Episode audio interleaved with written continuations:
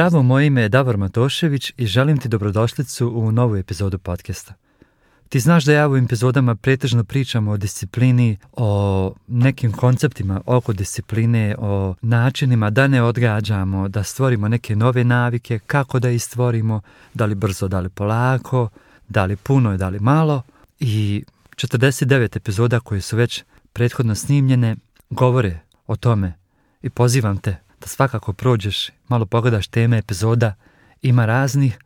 Evo u 50. epizodi želim možda po prvi puta reći jednu stvar, a to je da ako se mučiš sa bilo čim u životu i ako stalno osjetiš kako iznova i iznova ponavljaš iste stare poteze, greške, hajmo reći, iznova i iznova radiš neke stare šablone, iznova ti se ti isti stari šabloni vraćaju, nekako sve to proživljavaš sam u sebi tražiš razne načine da to prevaziđeš, gledaš podcaste, slušaš podcaste, čitaš, surfaš, ne netu, istražuješ, znači googlaš kako god. I onda vidiš da ti se ista stvar desi, iako si već ko zna koliko puta i čitao o tome i rekao sebi, ok, ovaj put ću drugačije i ponovo se desi ista stvar.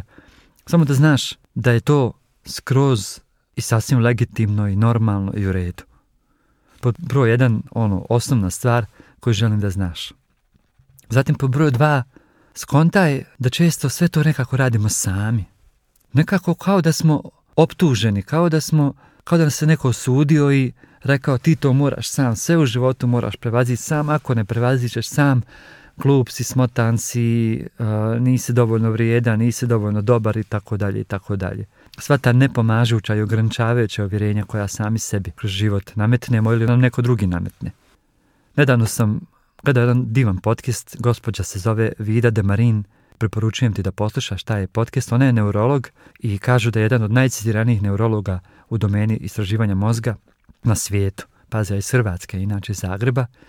Starija je gospođa, ona sad tu priča o zrcalnim neuronima, a to su oni neuroni koji u nama služe da mi kada smo jel, djeca, kada još ne znamo ne znamo ušte ko smo, šta smo, u principu ti nam neuroni služe da kopiramo jel, druge ljude. Zahvaljujući tim zrcalnim neuronima mi imamo tu sposobnost da kopiramo jedni druge i da jel, učeći od roditelja kada vidi što oni rade i mi postajemo osobe jel, kakve poznajemo sebe danas. I baš ti zrcalni neuroni su vjerovatno najveći razlog zašto su nam neka uvjerenja koja nisu baš dobra i poželjna za nas, mi danas imam u životu. Ali postoji jedna druga stvar. Cijelo vrijeme dok sam ovo govorio malo prije, primijeti kako sam govorio, kako se to nekako pokušavamo sami. A zapravo, mi ljudi smo prije svega društvena bića. I nama trebaju drugi ljudi. Nama trebaju drugi ljudi da tugujemo, da se radujemo, da se družimo, da dijelimo svoje misli. Jer nekako kad si sam sa sobom, kao da si ono, totalno odvojeno, no imaš neka, neke misli u glavi koje čuješ, kao da razgovaraš sam sa sobom, govoriš sebi da nemoj, da uradi ovo, nemoj uradi ovo, ej vidi ovo, vidi ono. Znaš, ono, imaš neke percepcije toku dana, pravo psihodelično, jel?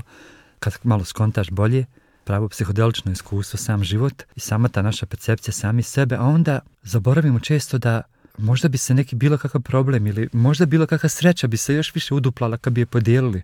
Zapravo ne možda, izvinjavam se što koristim tu riječ, nego sigurno bi se sve to uduplalo. Sreća bi se sigurno uduplala, onda bi se tuga smanjila i ako imamo s nečim izazovi i stalno ponavljamo, kako rekao, te šablone, nađemo čovječe, dragi, druge ljude kojima ćemo to reći, s kojima ćemo to podijeliti, koji će nam moći sreći neko svoje iskustvo. Možda je ta osoba već prevazišla to i možda će baš ona na pravi način i tebi da kaže kako ti možeš to prevazići ili te navesti da skontaš zapravo šta je ono što ti je glavni problem s kojim se suočavaš. Jer često zaboravimo da ne možemo nešto riješiti ako toga nismo ušte svjesni. Ali bi postali svjesni, dobro je naći se s nekom drugom osobom, pogotovo sa mudrijom i iskusnijom osobom koja to može malo i šire slike da sagleda to što nam se dešava. Recimo to je za mene psihoterapija. To je za mene razgovor sa iskusnim ljudima. To je za mene slušanje jako mudrih, pametnih, iskusnih ljudi, stručnjaka u svojim oblastima, od neuropsijatara, psihoterapeuta, raznih naučnika. I od tih ljudi onda čuješ neke stvari, ne moraš sam da se mučiš. I onda ako imaš izazov i problem ti je, realan problem, i vidiš ga kao problem, to da stalno nešto odgađaš, stalno govoriš od sutra ću, od iduće ću sedmice, danas ću, sutra ću, pa sve to nekako odgađaš, jel?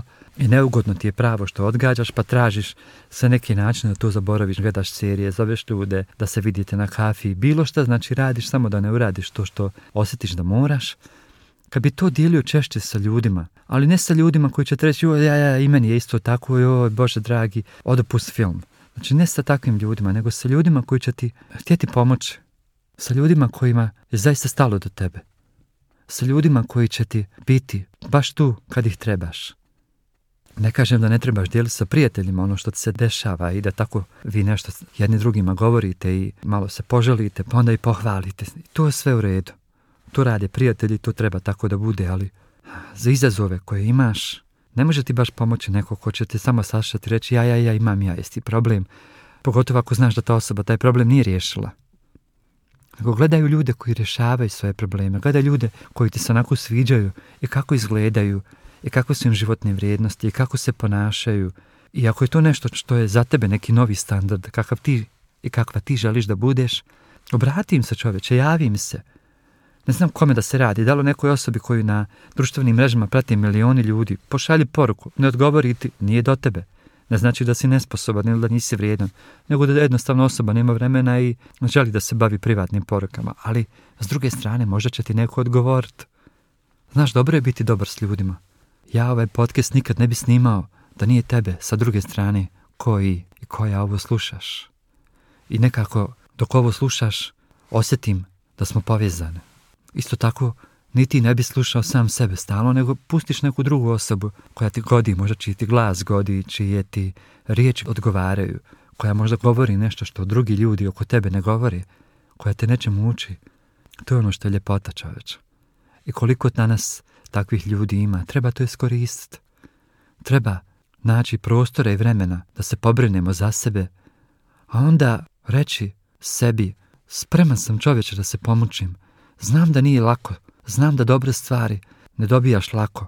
Vredi se pomoćiti jer će kasnije nagrada biti vrijedna toga.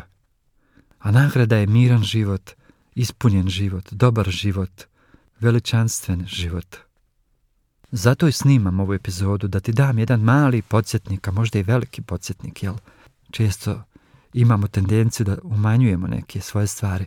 Dajem ti jedan veliki podsjetnik, jedan važan podsjetnik i kažem ti da je zaista važno da se okružiš ljudima i da živiš život koji je vrijedan toga. A to ćemo samo kad se povežemo jedni s drugima, kad smo više jedni s drugima i družimo se, javljamo se jedni drugima.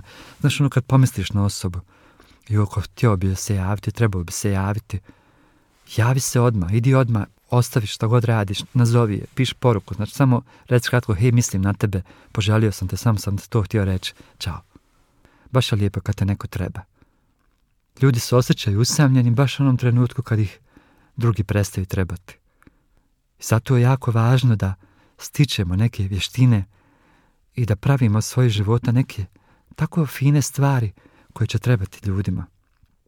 Jer kad ljudima trebaš, onda možeš živjeti vječno, stalno se osjećaš mladim, stalno se osjećaš potrebnim, stalno se osjećaš voljenim, željenim.